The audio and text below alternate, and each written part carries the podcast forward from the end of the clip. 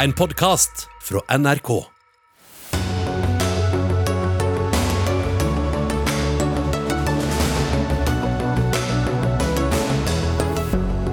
Koronahåndteringen i Norge har gått godt i det store. Men kritikken er likevel nådeløs på flere punkter. I dag kom koronakommisjonen med konklusjonen på granskningen sin. Og hvordan skal regjeringen ha troverdighet på beredskap etter dette? Aktører i kulturbransjen føler seg lurt av kulturministeren. Vi har ikke narret noen, svarer Kulturdepartementet. De som har tjent mest på pandemien, bør betale en solidaritetsskatt, foreslår Det internasjonale pengefondet. Helt uaktuelt, avviser Høyre. Og Norge og Nato slår følge med USA ut av Afghanistan. Det formelle vedtaket kan bli klart i løpet av vår sending. Og den sendingen er Dagsnytt 18, i dag ved Sigrid Solund. Koronapandemien er dessverre langt fra over. Likevel kan vi alt nå konkludere med at eh, norske myndigheter har håndtert den godt så langt. Det var i hvert fall konklusjonen fra koronakommisjonen, som har jobbet i ett år med både å se på beredskapen og håndteringen. Du har ledet eh, kommisjonen, eh, professor emeritus Stener Kvinsland, og dere hadde også en rekke kritiske punkter vi skal komme tilbake til. Men for å forklare den positive konklusjonen så viser dere til den norske samfunnsmodellen med høy tillit og et helsevesen for alle. Så hvor mye ære kan regjeringen ta for at det gikk såpass bra? Jeg tror de kan ta en god del av æren, men jeg tror også den andre delen er svært viktig. Eh, får man ikke med seg en befolkning i et så omfattende problemkompleks, og at de endrer sin atferd basert på tillit til rådene, så får man det ikke til. Så jeg tror begge kan være med og ta æren her. Og så tar vi kritikken. Regjeringen var informert, men ikke forberedt, sier mm. dere. Hva mm. gjorde det med hvordan alt dette ble håndtert i begynnelsen? Det var jo prega av hast. Eh, og eh, det Vi utelukker jo ikke at det man da kom frem til man skulle gjøre den 12. mars, kunne ha sett annerledes ut hvis man hadde fått anledning til å tenke nøye gjennom det på forhånd. Eh, og vi, har, vi er litt uforstående til hvorfor ikke det ble gjort, gitt de signalene som kom, og det man da hadde hørt ifra inn- og utland i årevis. Ja, ikke sant? For Regjeringen visste at en pandemi var det mest sannsynlige, også den mest alvorlige krisen vi kunne stå overfor. Og Likevel var det ikke forberedt, noe dere også beskriver som en alvorlig svikt. Men hvor var det da egentlig det sviktet? Nei, Det svikter jo på den måten at uh, vi har jo hatt planer i, i, mengder for alt som knytter seg til influensa og andre sånn mindre utbruddstyper. Så det mangler ikke på planverk som beskriver konsekvensen av sykdom og arbeidsledighet, ikke arbeidsledighet, men sykefravær og den type ting. Og med stor innflytelse på samfunnet. Men vi har altså aldri diskutert nøye, eller vi, eh, regjeringen og andre har ikke diskutert nøye konsekvensene av smitteverntiltakene. Og det er jo det som er svikten. Til tross for at vårt lovverk, smittevernloven, den klart indikerer at det er virkemidler som man kan ta i bruk. Ja, fant dere ut av hvorfor det ikke var Nei, altså vi, som vi eh, nokså brutalt sier, det var ingen scenarioer, det var ingen planer og det var ingen øvelser. Eh, og, og det er jo det som da ligger bak dette til dels kritiske kommentaren. Dere kritiserer også manglende lagre av smittevernutstyr. Hva kunne det fått å si hvis vi var bedre forberedt på dette området? Det tror jeg bare kunne hatt positive effekter. I hvilken grad det ville virkelig ha påvirka ja, alt fra tall, tall på antall døde osv., det er jo helt umulig å, å, si. Men at det ville roe ned tjenesten og gjort alt arbeid innledningsvis enklere, det er vi jo helt overbevist om. Og, og, og det, Der er vi om mulig enda litt mer kritiske. Ja, for dere sier at regjeringen bare belaget seg på at dette kom til å være mulig å skaffe på det globale markedet. Ja. Hvor risikabelt er en sånn eh, ja, plan, hvis man kan kalle det en plan? Det er veldig risikabelt risikabelt, og uh, spesielt sett i lys av at uh, både etter pandemi, pandemien, altså svineinfluensaen i 2009, og ebolautbruddet, der vi jo til og med hadde en norsk pasient, mm. så ble jo dette omtalt som, et, som, en stor utfordring, nemlig med sårbarheten i internasjonale forsyningskjeder. Så det var jo ikke slik at ikke dette var en kjent problemstilling. Noe av poenget i begynnelsen med de omfattende tiltakene var jo i hvert fall som vi ble fortalt, at helsevesenet ikke skulle bli overbelastet. Nå er det jo i hvert fall for mange nordmenn, like strengt som det var for et eh, år siden. Hva om noe er blitt gjort for å få bedre kapasitet i helsevesenet? Ja, det, altså Dette er jo et, på en måte et slags paradoks. fordi at det, det, ser ut som helsevesenet klarer det fint. Gitt at det er kontroll på antallet som blir alvorlig syke. Og antallet som blir alvorlig syke henger sammen med hvor mange som er smittet og blir syke. Så her er det jo en sammenheng. altså Denne kontroll slå ned-strategien, den gir relativt få som blir alvorlig syke, og dermed er det kapasitet i helsetjenesten. Det, det er jo hele resonnementet. Ja, men det er ikke bygget opp for at vi skal kunne ha et åpnere nei, samfunn, som man nei, kanskje men, kunne få inntrykk av ja, for et år siden? Men, men, jeg tenker det er jo helt umulig å tenke seg at man skal ha en kapasitet med fullverdige intensivplasser, eh, gitt eh, en dobling, tredobling av behovet. Eh, takk og pris så har det jo ikke blitt et slikt behov, men om det hadde blitt, så det, måtte det gå via andre mekanismer. Og Der snakker vi jo om at eh, det må være en viss ekspansjon, det må være helt annen type forberedt når det gjelder kompetanse, kontinuitetsplanlegging i randsone osv. Så, videre. så det går an å gjøre mye med det også. Dere peker også på en noe forvirrende rollefordeling mellom de ulike instansene og helsemyndighetene, og at Folkehelseinstituttet gikk utover sin rolle som kunnskapsleverandør. Hvordan gjorde de det? Nei, Det var jo det at de ja, eh, indikerte strategi på et tidlig tidspunkt. Eh, altså eh, hva man burde gjøre. Det er det sentrale myndigheter, altså regjeringens ansvar. Eh, og eh, de eh, tror jeg kom godt inn i folden relativt fort, men, men der er det en utfordring. Og vi ser jo også det at det er en diskusjon om det. Jeg tror det er ganske enkelt å si det sånn at vi har altså så respekt for dette Folkeinstituttet og det de kan å levere. Men det er en kunnskapsprodusent, forelegger, premiss. Og så er det helt klart at når veien går gjennom et direktorat som legger på tilleggsbetraktninger, og til syvende og sist en eh, politisk beslutning på toppen som må legge inn politiske vurderinger, og spesielt hvis kunnskapsgrunnlaget er fattig, så er det slik det må være. Og vi tror at å rydde bitte lite grann, så kommer det der til å bli bra. Det er en lang rapport og mange punkter. Et siste vi kan ta opp er eh, importsmitten. Regjeringen hadde ingen kontroll på importsmitten. Det var dårlig og vilkårlig oppfølging av dem som kom over grensa og manglende verktøy, skriver dere. Hva har det hatt å si for smitteutviklingen? Ja, Det tror vi jo. Det er jo en relativt alvorlig sak. Det er jo ikke sånn at importsmitte er noe forunderlig. Det er jo på den måten smitten kommer til et land som ikke har det på forhånd. Så eh, hvordan man håndterer grensene sine og eh, hvem som beveger seg over, det er jo helt avgjørende. Eh, og Det er jo igjen en sånn planlagthet, en forutsigbarhet i, som, som, som kan eh, klart eh, forutses. Og eh, Her er det også et spørsmål om redskap. Det er et spørsmål om ansvarsplassering. Det ble jo et voldsom belastning for kommuner en periode. Man sendte det over til arbeidsgiver ikke sant, som skulle passe opp de som kom igjennom på den premissen. og sånn. Etter hvert har det jo gått seg til. Mm. Men det var helt åpenbart at eh, her eh, kunne man helt klart ha vært bedre forberedt. Du ønsket ikke å delta i noen debatt, så det skal du få slippe. Men vi sier takk for at du kom innom Stener Kvinsland, som altså er leder av eh, koronakommisjonen. Og da skal vi få inn noen av dem som vi allerede egentlig har sneiet innom. Det var mye positivt å hente frem fra rapporten i dag, men også mange læringspunkter, som man gjerne sier. Og et av dem var altså det vi var innom, nemlig rollefordelingen, og kanskje en viss rolleblanding mellom Folkehelseinstituttet, Helsedirektoratet, Helsedepartementet og resten av regjeringen. Direktør i Folkehelseinstituttet Camilla Stoltenberg, vi hørte akkurat at det konkluderes med at dere gikk utover rollen som kunnskapsleverandør. Er du enig i det?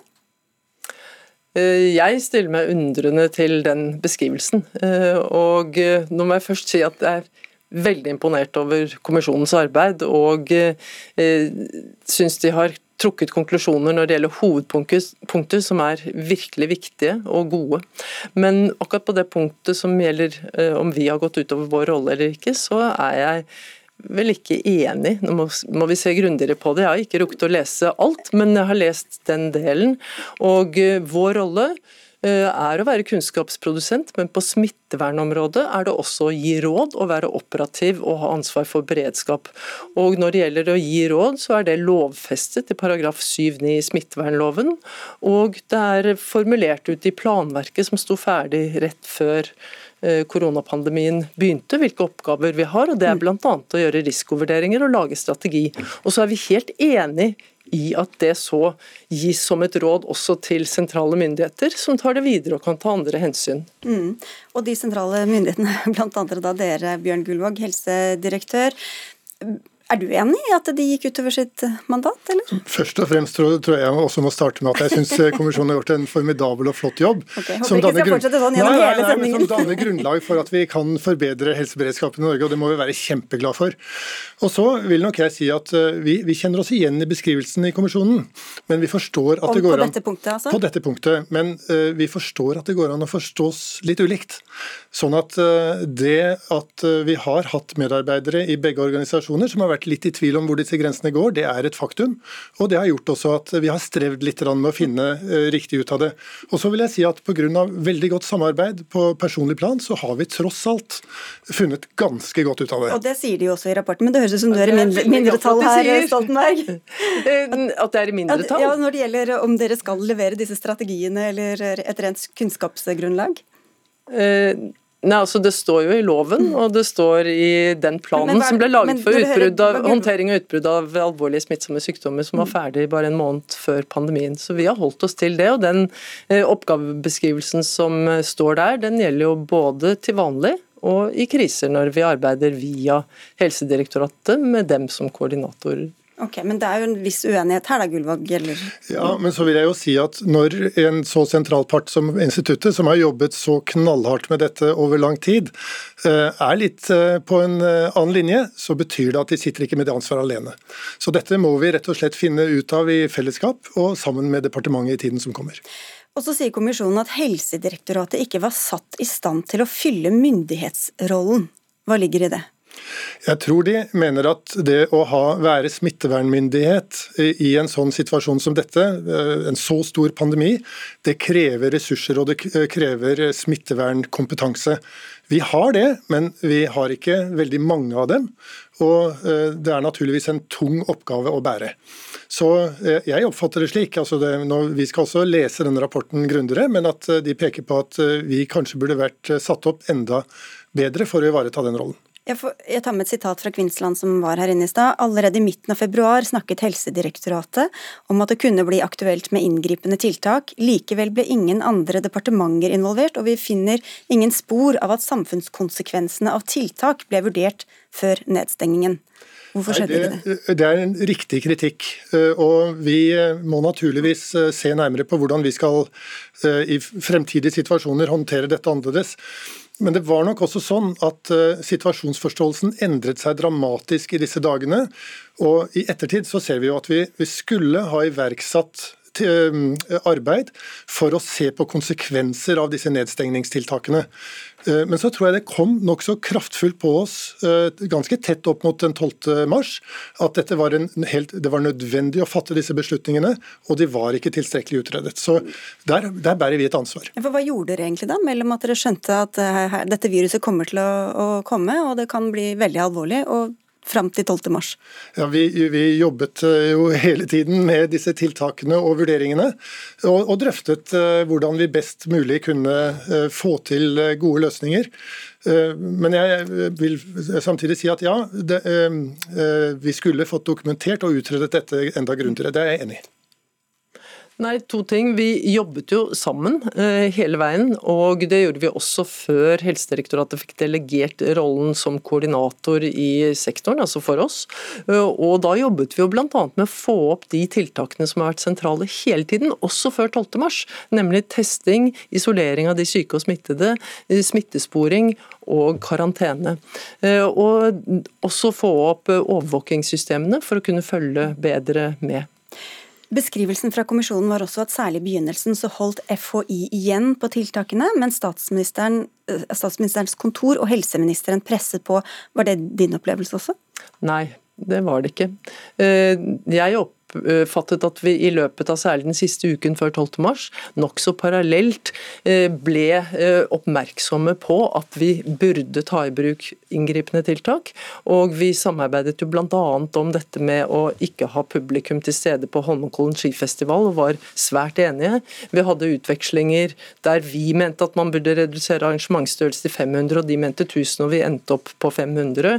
Eh, og jeg tenker at det skjedde nokså parallelt, men det gikk veldig fort. Det var voldsom, et voldsomt press og veldig mye å forholde seg til som var nytt for oss. Men vi var helt enige med hverandre om at vi trengte inngripende tiltak i en stor pakke den 12. mars. Og nå dere, har dere en del sider dere skal hjem og lese, skjønner jeg. Dere, vi skal takke dere også, så skal vi få inn politikerne. Takk skal dere ha begge to. Eh, folkehelsedirektør heter det fortsatt det, Camilla Stoltenberg, og helsedirektør Bjørn Gullvåg.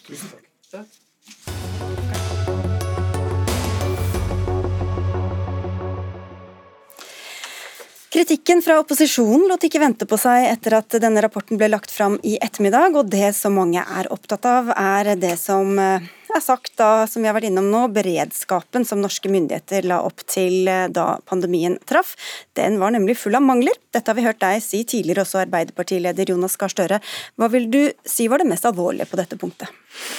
Eh, jeg syns jo det at vi har en alvorlig svikt i beredskapen, er det alvorlige. En utfordring som ikke var spekulativ, men det var sannsynlig at kunne skje. Vi hadde hatt det ute i verden, hatt det også tett på oss i Norge. Eh, og når det kom, eh, så var vi dårlig forberedt på utstyr og den type ting, men også på planer og prosedyrer. og Det har jo gjenspeilet seg gjennom perioden med at importsmitten har vært for svak, det har vi påpekt flere ganger. Eh, og at det kan vi kanskje komme tilbake til, men ansvarsprinsippet i hvem som har ansvar for å gjøre hva, fortsatt er uklart. Og Det er jo en lærdom vi hadde fra 2011 også, at den ene hånden fant ikke den andre i, i måten vi som samfunn svarer på men her, fant, her var vel egentlig, egentlig, konklusjonen at de faktisk fant hverandre, da? Mm. Jo, men de påpeker her i rapporten at én sektor uh, forholdt seg til en måte som kunne gå ut for en annen sektor. Men jeg har også lyst på å si det, da. Det, la oss gjøre det på denne dagen. at Man skriver at myndighetenes håndtering av pandemien samlet sett har vært god, særlig etter 12.3, og det grunnes i den norske samfunnsmodellen. Så det er grunn for alle nordmenn som hører dette, at måten vi har stilt opp på, måten vi har tillit til myndighetene på, måten det samspillet har vært på, det er medvirkende til at vi har hatt lave dødstall i Norge. Men det er mye lærdom i denne rapporten. Statsminister Erna Solberg, mye gikk bra, som vi har hørt. Vi klarte oss bedre enn mange andre land, men det skyldes altså ikke en spesielt god beredskap. Dere lovet bedre beredskap, mer sikkerhet.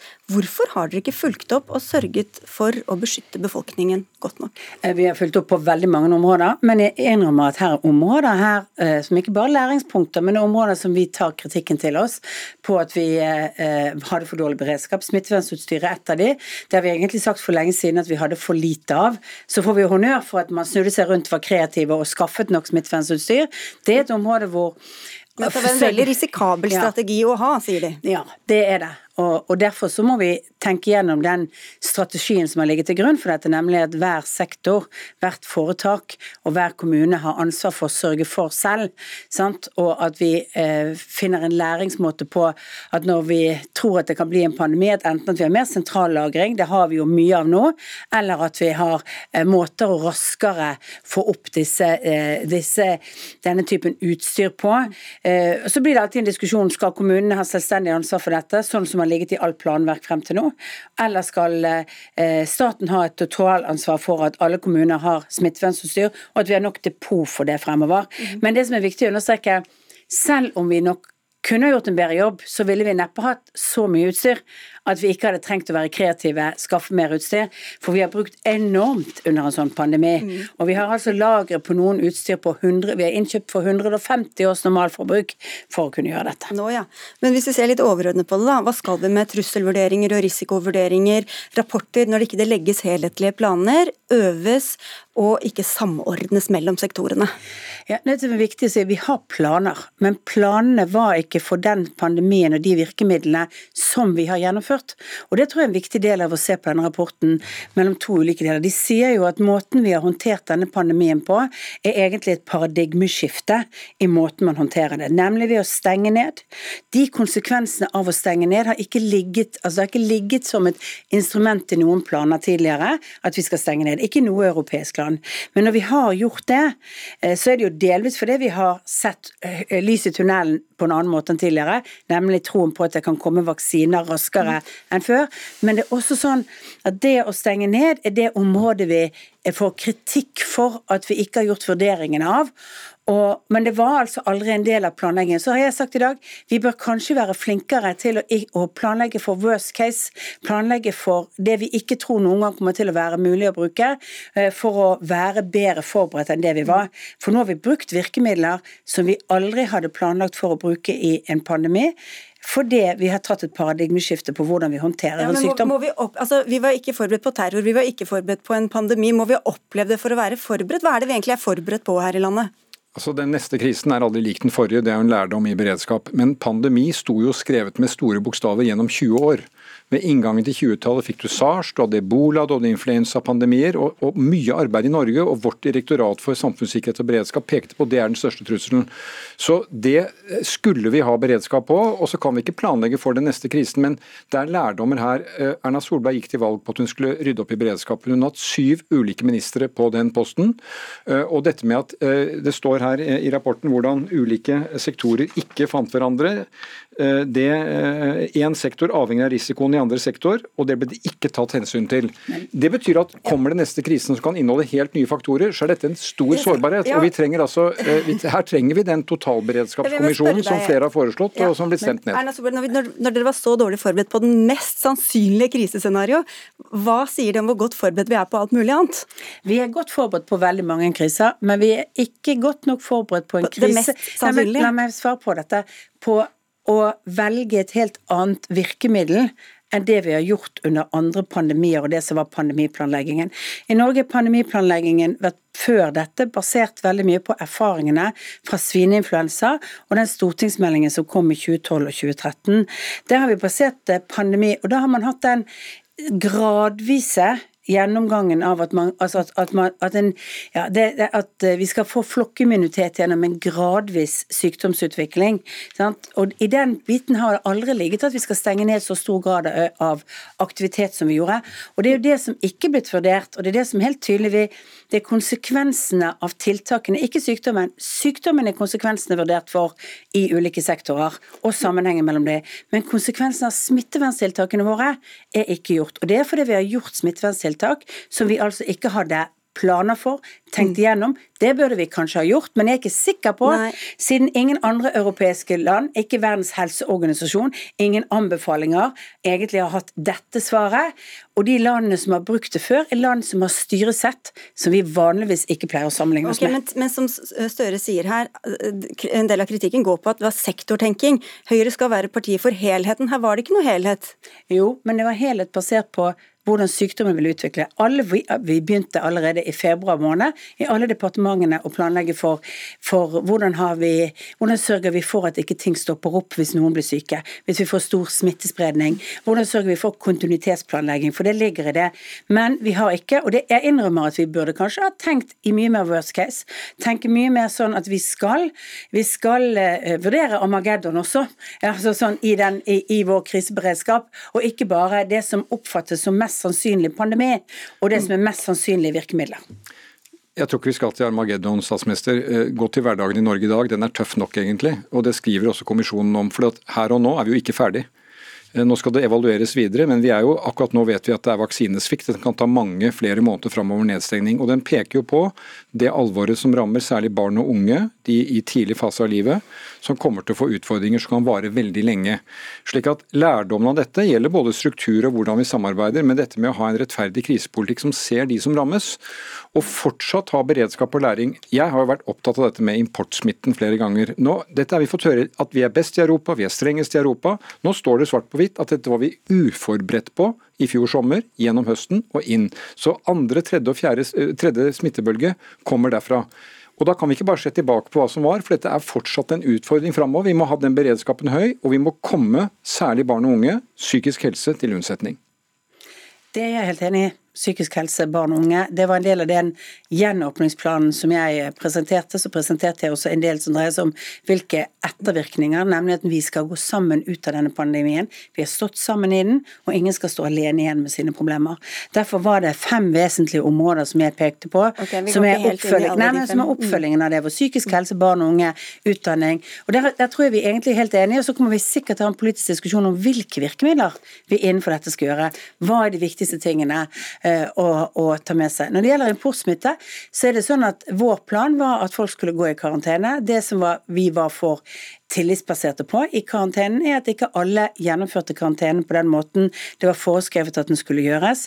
Derfor så har vi jo da strammet gradvis til, til at vi nå har veldig strengt regelverk mm. ved at alle, og det er ikke det så veldig stor begeistring for for noen som har vært i utlandet, at alle må gå i karantene i dag, men det er jo fordi vi har erkjent at det å bare stole på at folk holder avstand til sine nærmeste når du er i karantene, det kan vi faktisk ikke gjøre. At mm. bedrifter også heller ikke har fulgt godt nok opp det regelverket som har vært. Støre, du nevnte selv eh, terroren 22.07. Eh, da ble Arbeiderpartiet tatt fullstendig på senga. Det er kanskje noen som lurer på hvordan dere er de rette til å sitte og kritisere manglende beredskap for dagens sittende regjering? Jo, men Det var jo behov for å gå gjennom den beredskapen totalt. Vi hadde Gjørv-kommisjonen, grundig debatt, Stortingets behandling. Det dere var, like uforberedt som den, den, jo, denne regjeringen? Jo, men det har vi hatt en full gjennomgang av, og det, har, eh, det, det tilhører historien. Men vi tar jo alle med oss den lærdommen den lærdommen fra det. Og, jeg vil allikevel påpeke at her er det snakk om manglende helhetsstyring. Erna Solberg gikk til valg på å skulle ha beredskapselement på statsministerens kontor. Man skulle se de store helhetene. Gang på gang er det påvist at det svikter.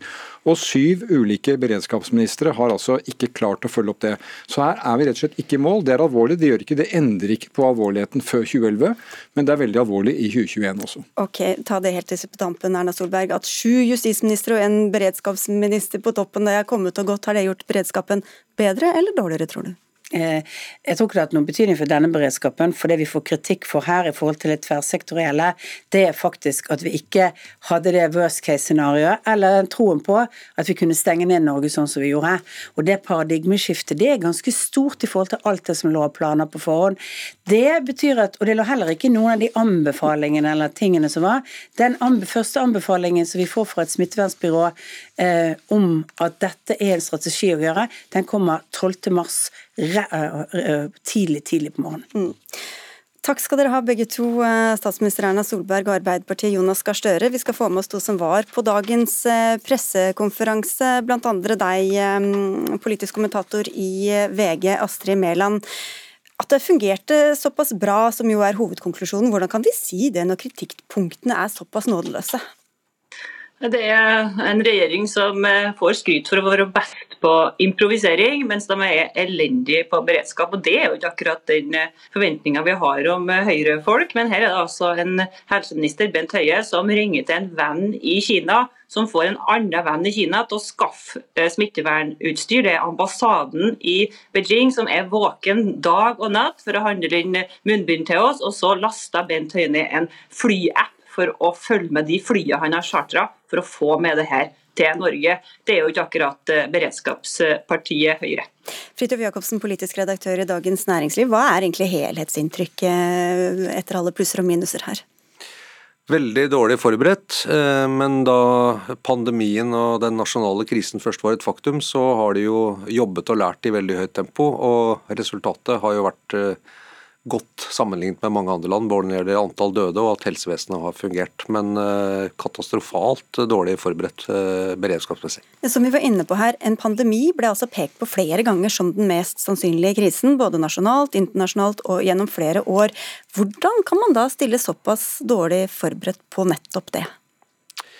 Det er jo et veldig godt spørsmål, eh, hvordan det kan skje. Jeg tror Noe som eh, kommisjonen peker på, er jo at Norsk beredskap er organisert etter det som heter sektorprinsippet. Dvs. Si, altså at hvert departement eller hver sektor tar liksom ansvar for å forberede sin del av virkeligheten. Eh, men det har vært veldig lite grad av samordning, og ingen heller har sett hva som kunne skje hvis alle på en måte iverksetter tiltak rundt omkring. Hvordan det, det totale bildet kom til å endre seg i Norge. Det er det ene. Og det andre er jo at eh, man har øvd da, eh, på sånne store nasjonale kriser, en del forskjellige scenarioer som er lagt opp eh, i mange år, men man har aldri øvd på dette, noe som er eh, veldig rart, i hvert fall ikke på det største nivået, når dette var det mest sannsynlige. Og vi har jo hatt noen forvarsler om at det kunne komme en pandemi, svineinfluensa, sars, andre ting. Det gikk jo sånn noenlunde bra, men denne gangen så, så kom man altså til en helt ny situasjon, og da måtte man lære i farta. Og så heldigvis så har de jo vært relativt gode til det, da. Eh, Astrid Mæland, du spurte også på pressekonferansen noe vi var innom eh, tidligere i sendinga, om rollefordelingen, som var noe utydelig. Ifølge rapporten så var de litt uenige, våre gjester tidligere her i, sendingen, om hvor utydelig det faktisk var. Ifølge evalueringen, hva har denne eventuelle rolleblandingen eller uklare fordelingen hatt å si? Nei, Det er FHI som får gjennomgå aller hardest i denne rapporten. her. Eh, de er uenige med Helsedirektoratet og med Erna Solberg, som vil ha strenge smitteverntiltak tidligere, mens FHI henger igjen. og Det er en av grunnene så vidt jeg kan se, i hvert fall, til at de var så trege til å få satt inn Eh, strenge tiltak. Nå er jo alle enige om at vi skulle ha strenge tiltak. Kommisjonen landa på at det òg var riktig sånn som jeg tolka det, å stenge skoler og barnehager. Mens FHI de eh, var fortsatt imot det da, og de var imot f.eks. å advare mot at folk skulle håndhilse og en rekke andre ting. Og eh, Nå var det jo interessant i stad her når Camilla Stoltenberg var hos eh, dere, at hun ikke tok selvkritikk, mens Bjørn Gullvåg og Erna Solberg var de som tok selvkritikk. I kommisjonsrapporten så er det sånn at eh, de egentlig ikke helt tror på den versjonen FHI har i dag, om at FHI var de strengeste. De viser til risikorapportene til FHI som var skrevet på tidspunktet, og sier at det ikke stemmer helt med det FHI forteller i dag. Ja, det, det kommer fram. Det, jo, det har jo vært et bemerkelsesverdig godt samhold får man si, mellom mange sterke personligheter og ikke minst veldig sterke fagmiljøer, både politisk og Helsedirektoratet og FHI utad, men de siste dagene har vi jo også i Dagens Næringsliv vist at det har vært ganske opphetet debatt og frustrasjon også på det personlige plan mellom FHI og, og Espen Nakstad i, i Helsedirektoratet f.eks. Så under overflaten her så har det jo kokt en del. og Hvis man går tilbake og leser artikler om premisser og hva man trodde, og grensestengning, var det mulig? Nei, det var helt umulig, osv. Så, videre, så skjønner man jo hvordan eh, bildet har endret seg veldig i takt med situasjonen. Men jeg, jeg tror liksom det som vil stå igjen av rapporten, som ikke på en måte peker på det vi vet fra før av, men som er det overraskende for meg, er at eh, Erna Solberg, som snakket så mye om beredskap og behovet for å samordne eh, og være personlig engasjert i at ressursene skulle finne hverandre og bedre samarbeid at eh, hun rett og slett ikke har lykkes med det eh, når det gjelder å forberede seg på denne pandemien. og Det får jo meg til å lure på hvert fall om beredskapen i Norge egentlig har blitt noe bedre når det gjelder alle andre kriser som kan ramme oss. Det er lite i denne rapporten som peker på det. Problemene er de samme strukturelle problemene som har vært i norsk beredskap også før 22.07, og nå da helt fram til i dag. Så det kan bli vanskelig for henne å gå til valg på det til høsten, bedre beredskap? Ja, der syns jeg hun har veldig lite troverdighet, det, det må jeg si. Og det, og, og det, er rart, så høyt som hun løftet dette i valgkampen i 2013 og også inn i valgkampen i 2017. Du, helt kort, Astrid Mæland, Den såkalte importsmitten som vi var innom også med Jonas Gahr Støre, får også mye oppmerksomhet i eh, rapporten. At regjeringen har latt arbeidstakere fra andre land få komme inn med den risikoen det førte med seg. Hva sier de om de politiske prioriteringene, når det hele tiden har vært snakk om et totalitetsbilde bilde hvor noe, hvis noe slippes opp, så må andre ting stenges ned? Nok et eh, område der eh, Erna Solberg får kritikk for beredskapen, fordi at de skulle åpne opp Norge. De har gått eh, mange måneder inn i pandemien, men var altså ikke forberedt på importsmitte og satsa på tillit fra folk osv. Det betyr jo det at regjeringen satsa på å få inn arbeidskraft, eh, satsa på industrien, ble lobba som det står i kommisjonen, av industrien og sa greit, vi åpna for det. Og Det gikk selvfølgelig utover andre områder. Skole og barnehage. Vi fikk jo en høstbølge i fjor som kanskje kunne vært unngått om de ikke åpna for det. Ja, og Det siste som ikke er omhandlet i rapporten, men som jo kanskje blir interessant i neste kapittel, er hva slags strategi hadde vi for å skaffe oss vaksiner Eh, og medisiner når dette traff. Eh, vi har jo fasiten der, eh, i hvert fall sånn som den er nå. Det går mye tregere enn det man trodde. og det har vel også vært dårlig forberedt. så Der har man jo sagt det var helt umulig å gjøre noe annet. Det blir spennende å se hva kommisjonen neste gang finner ut om det virkelig var sånn. Her er det mat for mange debatter framover. Takk skal dere ha begge to, Fridtjof Jacobsen fra Dagens Næringsliv og Astrid Mæland fra VG.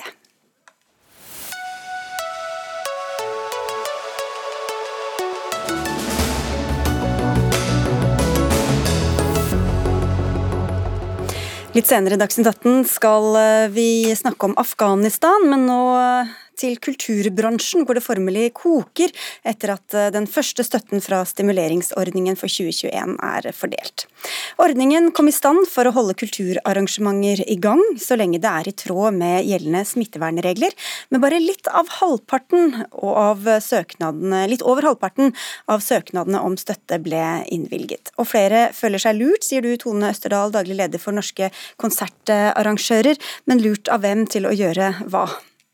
Nei, Poenget her er jo at vi har en kulturminister som har gjort eh, en stimuleringsordning til sitt prestisjeprosjekt på mange måter. Han har eh, oppfordret kulturarrangører til å ja, gå på jobb, planlegge og gjennomføre arrangementer.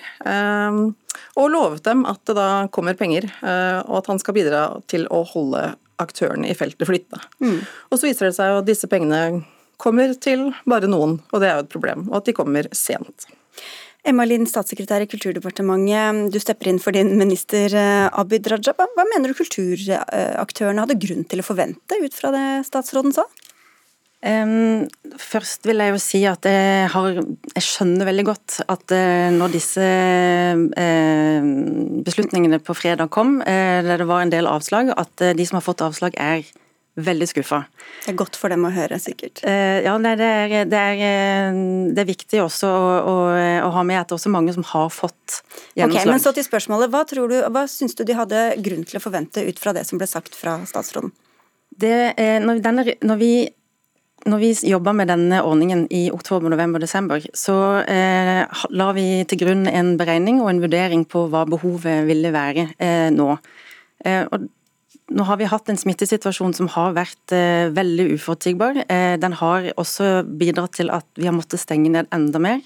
Det har ramma enda mer enn det vi kanskje hadde håpt. Eh, og så er det nå sånn at Vi har fått mange flere søkere enn det vi nok hadde gjort, eh, gjort rede for i oktober, november, desember, når vi satt og jobba med dette. Så Nå eh, sitter vi og ser på disse tallene. De tallene kom på fredag.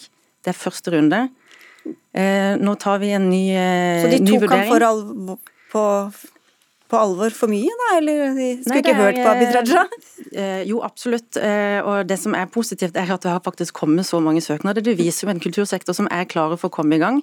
Som sagt, Vi nå ser på eh, disse tallene som kom, det var mange flere enn det vi hadde først antatt. Så nå sitter vi og ser på tallene og ser hva vi kan gjøre for noe med med dette? Det er jo en søknadsbasert støtteordning, ikke en rettighetsbasert. Han sa vel ikke alle som drar ut og holder konserter skal få støtte? Nei da, og vi er helt innforstått med reglene som ligger der, om, om, hvem som skal prioriteres og hvordan. Men det er to problemer her. Det ene er at ordningen jo kommer så sent, og at den skal stimulere tilbake i tid. Og da når de som har tatt kulturministeren på ordet og arrangerer noe, får avslag på søknaden sin etterpå, på noe som har vært, så er det jo dypt problematisk. Eh, og det er jo også sånn at, eh, at han har vært eksplisitt også liksom i år og oppfordret folk til å arrangere, og da må vi forvente at, at det kommer. Og at det har kommet også til nye kriterier som, vært, som ligger inne i forskriften til ordningen, som Kulturrådet, som forvalter ordningen, har ja, Om de har funnet det på underveis for å, å, å liksom legitimere, legitimere, sine egne vedtak, det vet jeg ikke. Men, men, det er jo også en urimelig måte å behandle kulturaktørene på. Hvordan skulle de skjønne på forhånd om de skulle planlegge for aktivitet, eller om de ikke skulle gjøre det? Nå var simuleringsordningen der for å komme, få aktivitet i gang, og den har jo fungert veldig bra tidligere i 2020. Bare at noen av dem går, går veldig minus pga. det, da. I 2020 så klarte vi jo, klarte Kulturrådet faktisk å, eh, å, dele ut til alle som søkte, som, hadde, som var kvalifisert til å få, eh, få på prosjektene sine. Det klarte vi i fjor. Og nå ser vi at ramma, at pengene har ikke strukket til i denne første runden her. Det er jo fremdeles 200 millioner igjen. Eh, så de som har fått avslag, det vil jeg, jeg vil i hvert fall nå eh, oppfordre til å søke på nytt igjen. Vi er ikke ferdig med denne saken her. Ok, men, men, vil da kriteriene bli endret? Hvis de først har fått avslag, så er det vel ingen grunn til at de skal få ja neste gang? Stimuleringsordningen har egentlig ikke endra. Eh, det som er endra er at ramma har ikke vært nok i denne runden her. Og da har man måttet gjøre noen prioriteringer. Ok, Så det kan komme mer penger inn i potten?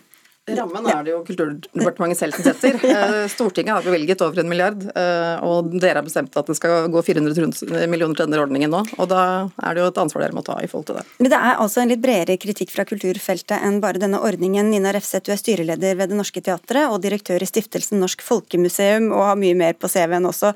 Og Du sier til Dagsavisen i dag at kulturlivet er ofret under pandemien. På hvilken måte er den det? Det er jo det feltet som, eh, et av de feltene som har vært desidert hardest ramma av nedstenginga. Og i stor grad av lav forutsigbarhet, som nettopp denne saken også er et eksempel på. Eh, for to og tre år siden så leverte eh, regjeringa en veldig god kulturmelding, hvor man snakka om kulturens egenverdi og viktigheten for kulturens bærebjelke som bærebjelke for ytringsfrihet og demokrati det er noen ord som de ikke lenger har snakka om. Eh, jeg vil understreke at jeg faktisk ikke snakker på vegne av de store institusjonene, fordi det er vel kanskje de som lettest kommer velberga gjennom dette.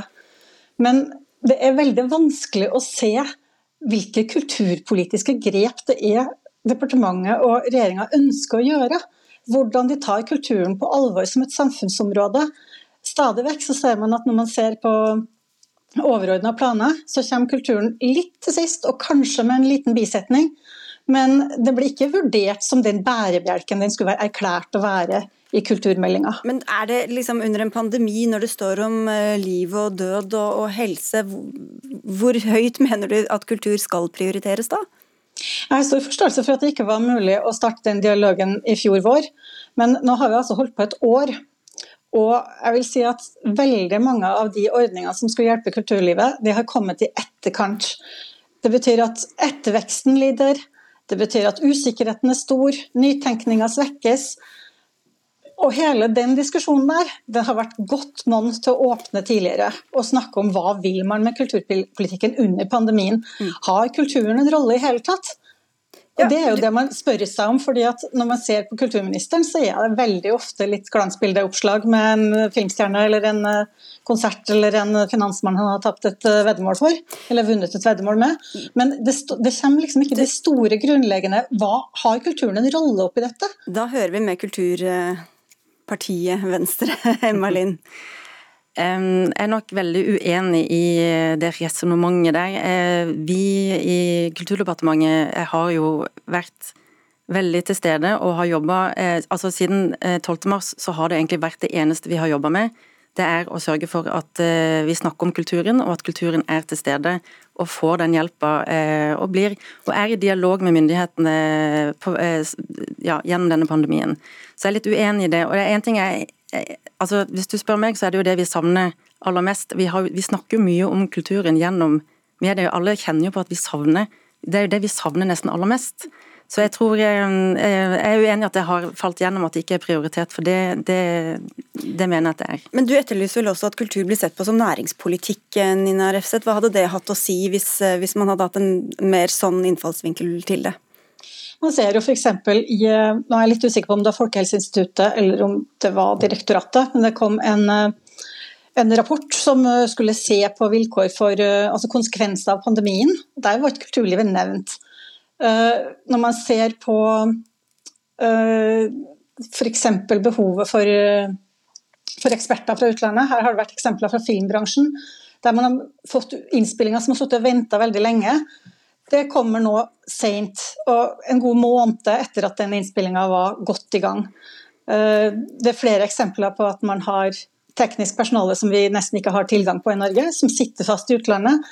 Det var ikke omfatta. Mm. Sånn at vi sitter hele tida litt bakpå og blir litt svekka. Og det er veldig hyggelig hvis vi får være med, men gjennomslaget for kulturens rolle kan umulig ha vært veldig sterk. Du skal få svare, Melin, men helt kort Tone Østerdal. Er det noe dere kjenner dere igjen i? At det er litt sånn um, pynten på kaka? Ja, absolutt. Og det ser vi jo i de måten kulturlivet har vært stengt ned på i 13 måneder nå, eh, i stor grad, eh, kontra andre næringer. Og har stått i et næringsforbud, rett og slett. Eh, og at man ikke har heller da økonomien på plass for å, å berge aktørene gjennom krisen, er problematisk. Linn?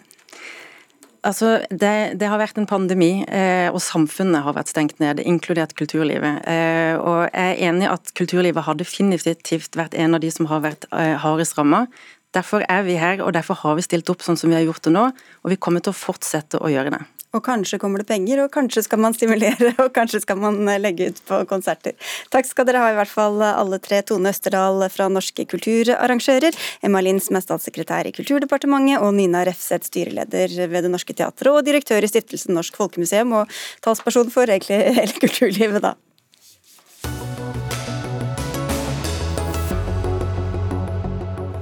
Koronapandemien har ikke bare brakt med seg sykdom og død, den har også skapt mer økonomisk ulikhet. Og Det bekymrer Verdens internasjonale pengefond, IMF, som nå anbefaler, til tross for å være et vanligvis ganske så konservativt pengefond, så eh, foreslår de altså å innføre en solidaritetsskatt.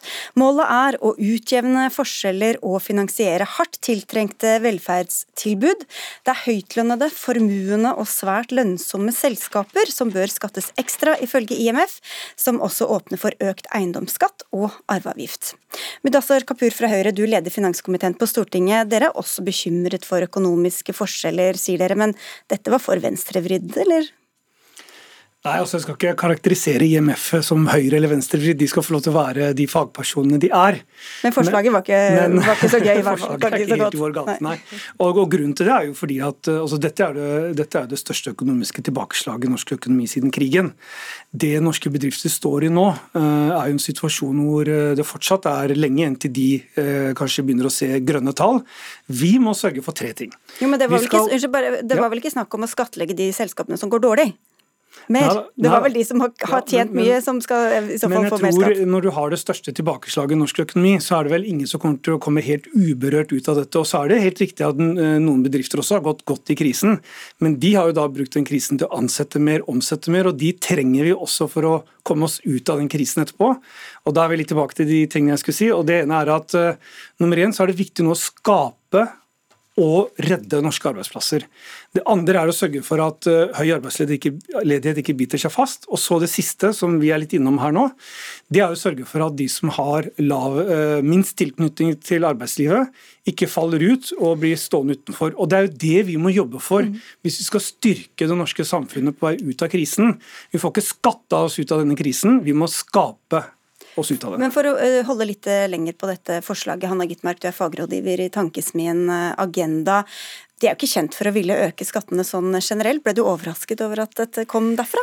Jeg tror IMF og også OECD og Verdensbanken som har pekt på lignende ting, har lært noe siden finanskrisen i 2008, hvor man redda bankene og finansnæringen, men hvor man kutta i velferden for å stimulere eh, økonomien, eh, og med det resultatet at veldig mange folk måtte klare seg sjøl, og ulikhetene økte. Nå vil man prøve noe annet, og det har vært egentlig et mantra fra alle disse organisasjonene under denne krisen at man må passe på å bruke aktivt aktiv eh, finanspolitikk for å holde hjula i gang, for at ikke ulikheten skal øke arbeidsledigheten bite seg fast. Og nå er altså dette del to av det. Hvordan finansierer vi det? Jo, gjennom å øke skattene for de som tross alt gjør det ganske bra under denne krisen. Eh, og sånn som du sa, så, så, er det mange som gjør det bra. Noen, også her i Norge, så vet vi at denne krisen rammer skeivt. De med lave inntekter og lav utdanning er de som i størst grad har mista jobben. Mens vi fikk altså norgesrekord i milliardærer under det største økonomiske tilbakeslaget, som Kapur har helt rett i, siden andre verdenskrig. Det er bare at det ikke alle som merker på det tilbakeslaget. Og vi som ikke gjør det, som nyter godt av rentekutt og har fast og stabil jobb, vi har aldri spart så mye penger som vi gjør nå. Vi kan betale litt mer i skatt. Din partifelle Kapur, Linda Hofstad Helleland kaller dette en straffeskatt. Og så vet vi at det er mange av dem som har tjent mye på pandemien, som nettopp har tjent godt av støtteordninger, lave renter og alle disse mulige ordningene og pakkene man har fått fra, fra Stortinget. Hvorfor, de, hvorfor er det straff at de da skal kanskje betale litt ekstra tilbake til samfunnet? For det første syns jeg vi skal være forsiktige med å si at noen har tjent på pandemien. Det tror jeg ikke Noen har vel tjent på pandemien? Ja, men jeg, jeg tror det blir eh, en feil måte å, si. beskrive det på. Jeg tror det er mer, jeg tror det er riktig å si at uh, i noen næringer så har det gått bedre enn andre. F.eks. dagligvarenæringen eller internett, uh, altså online-butikker osv. Men, men, husk at de som har fått uh, disse kompensasjonsordningene, det har jo ikke vært å dekke tap av omsetning eller at de har fått tilført ekstra midler. Det har vært, ofte vært snakk om å få dekt uunngåelige faste utgifter for å forhindre at vi får unødige konkurser. Og så har det vært et strengt kontrollregime, slik at pengene går til det de skal. Og det har også vært gjort fordi at vi trenger å ta vare på og redde de arbeidsplassene, slik at folk har kommet tilbake igjen.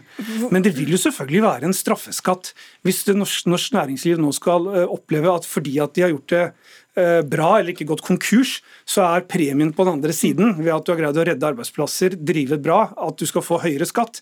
Jeg mener at skattetrykket i Norge skal ytterligere ned, i hvert fall når vi nå skal ut av pandemien. Og Hvordan er det god økonomisk politikk å heve skattene i en krisetid eh, med så mange arbeidsledige, Gittmark? Altså, Den politikken som Høyre står for, viser seg jo gang på gang å ikke stemme. Det blir ikke mer investeringer av å kutte i formuesskatten, men det stadig flere studier og økonomisk forskning viser, er jo at likhet skaper vekst. Investeringer i velferd skaper vekst. Nå trenger vi å investere i folk så de kommer seg i jobb. Det koster penger. Nå har vi sendt regninga på over 200 milliarder i krisetiltak, som har vært gode eh, og viktige krisetiltak, til framtidens generasjoner. Eh, vi har ikke betalt noe ekstra for den regninga her og nå. Det kan de formuene som har tjent på krisa, gjort. Det kan de med høye inntekter, som ikke har lidd så mye som andre under denne krisa. Så jeg vil også legge til at Forskjells-Norge og et for dårlig omfordelende skattesystem var et problem lenge før koronakrisen. Så IMF sier jo ikke bare at de vil ha en midlertidig skatt, de sier jo at de trenger et mer permanent omfordelende skattesystem. Og Hvis dere er like bekymra for de økte ulikhetene, hva vil dere egentlig gjøre med det, Kapur? Det er flere ting. For det første så må vi sørge for at eh, barn og unge eh, får en skole som ruster dem for å møte fremtidens eh, arbeidsmarked. Sørge for at flere fullfører videregående skole. Og ikke minst sørge for at de som har hull i CV-en, lav kvalifikasjon, at de får dra godt nytte av de ordningene vi har sørget for under pandemien. At hvis du er permittert, så kan, få, så kan bedriftene bruke penger på kompetanseheving, kvalifisering, slik at de som nå står utenfor arbeidslivet, har en jobb å komme tilbake til. Og det kan også hende at den jobben du forlot, ikke er helt lik når du kommer tilbake. og Derfor så er det å satse på mennesker det viktigste. Men jeg sa at Skattesystemet i Norge var ikke omfordelende før denne krisen. Den rikeste prosenten i Norge betaler mindre i skatt enn en sykepleier gjør, og det er vi nødt til å endre på permanent, ikke bare midlertidig under denne koronakrisen. Vi får følge opp dette sporet ved en annen anledning. Takk skal dere ha begge to, Mudassar Kapur fra Høyre og Hanna Gitmark fra Agenda.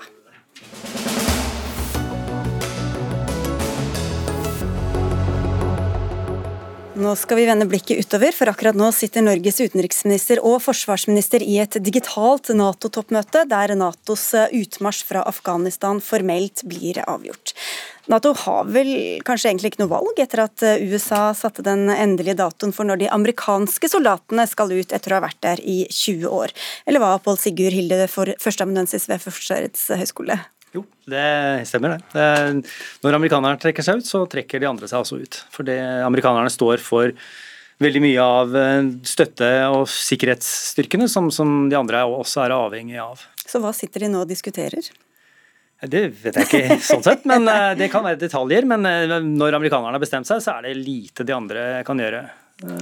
Og Da betyr jo det at også de resterende norske styrkene vel skal hjem senest 11.9. Ehm, norske myndigheter har satt, sagt at Norge og Nato har hatt en tett dialog om dette gjennom prosessen. Er det den hele og fulle sannheten, Christian Berg Harpviken, seniorforsker ved PRIO? Altså, jeg ville nok ikke kalt dette et diskusjonsmøte, jeg ville nok kalt dette et informasjonsmøte. Det er, det er, USA som informerer sine allierte om hva som er beslutta, og så er det snakk om hvordan man skal bevege seg sammen derfra. Eh, det er, det er som det egentlig har vært eh, i Afghanistan-operasjonen hele tiden. Det er USA som er den suverene beslutningstageren, og de allierte må i veldig stor grad eh, innrette seg etter det som er de amerikanske beslutningene. Og så er det jo også, som, eh, som Pål Sigurd Hilde sier, eh, amerikanerne som har stått for aller tyngste delen av en militær nærværet i Afghanistan gjennom disse 20 årene. Og hva godt har Norges allierte gjort for Afghanistan hvis vi skal legge velviljen til først? Ja, vi kan gjerne legge velviljen til først. Det er klart at veldig mange i Afghanistan har fått det utrolig mye bedre i disse 20 årene. Det har skjedd eh, mye på utdanningssida, på helsesida. Eh, en del folk har også fått eh, en bedra sikkerhetssituasjon. Kvinner har fått anledning til å ta utdanning, delta i arbeidslivet, delta politisk. Man har bygd opp institusjoner. Men så er jo utfordringen at mye av dette er ganske skjørt. Og det er vel det vi virkelig får i, får i trynet nå, at dette er så skjørt når de internasjonale trekker seg ut. Hva slags Afghanistan står igjen da, og hvem er det som sitter ved makten der? Det er det Kristian som vet best, men ja. Eh, jeg tror jeg kan skyte den til ham. Ok, Da tar vi det en gang til. Ja. Nei, I øyeblikket så er det jo en såkalt demokratisk valgt regjering. Det har vært trøblete valg, men det er eh, en, interna en internasjonalt anerkjent demokratisk valgt regjering som ledes av eh, Ashraf Ghani. Nå er det en koalisjon mellom mange forskjellige krefter. Og vi ser at regjeringen nå slites i sammenføyningene, rett og slett fordi at eh, når, når, utlendingen trekker seg ut, så dukker spørsmålet opp om hvordan man går videre. og Da er det også noen åpninger for å forsøke å mm. sikre sine egne interesser, og så blir det mange forskjellige prosjekter. og Det er jo egentlig en seier til eh, Taliban, som bare da kan sitte egentlig på avstand og se på at eh, Eh, at disse politiske spenningene gjør det vanskelig for regjeringen å manøvrere videre. Men til Nato, da, som du kjenner godt, eh, Hilde. Hva har, hva har det gjort med Nato som sådan, og med Nato-landene, alle disse årene med den hodepinnen i Afghanistan? Det har gjort mye. Hvis man liksom ser litt bort fra, fra, det som har gått galt sånn, da, i Afghanistan, så har jo eh, oppdraget der og, og operasjonene der bidratt til å holde Nato relevant. Hadde ikke Nato vært i Afghanistan, så hadde den ikke stått så høyt på den politiske agendaen i veldig veldig mange år. Ehm, Det har vist at det er samhold i alliansen, til tross for at det har vært veldig vondt og vanskelig i perioder. Særlig mot slutten av de første tiåra, altså på 2000-tallet, så var det vondt og vanskelig i alliansen, fordi det var mange land i sør som følte at de tok en for stor del av byrden, og en del land som da også Norge, som ikke ville være med i sør. Men så har de jo også hatt positiv effekt i den forstand at man har måttet samarbeide mye mer og har lært seg å samarbeide både internt i alliansen, men også med andre, altså partnerland, altså Australia, New Zealand, Sverige, Finland og andre som var med i Afghanistan. Og så har det for mange Nato-lands militære styrker så har det ført til en profesjonalisering som vi også ser her i Norge, at, at, det er noe annet å øve og trene på ting og faktisk være ute og møte kulene. Eh, så det gjør noe med hvordan man jobber, at man blir mye mer proff på det. Og hva, det, hva, kan det gjøre med Nato når man da ikke lenger, har, ikke lenger, skal være i Afghanistan? Nå har onkel Putin løst det problemet, så det, nå har man andre ting eh, å tenke på. det sånn. Så, så det er nok også på agendaen i dagens møte, vil jeg tro, det som skjer i Ukraina.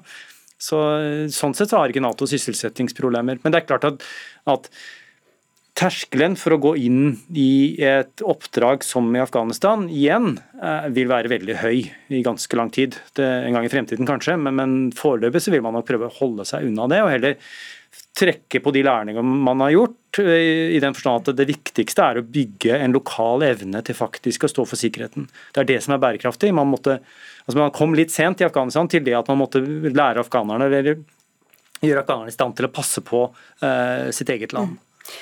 Og Hvis vi skal drive litt kontrafaktisk historieskriving her, Harpviken, hva hadde vært bedre for Afghanistan dersom Nato aldri hadde gått inn?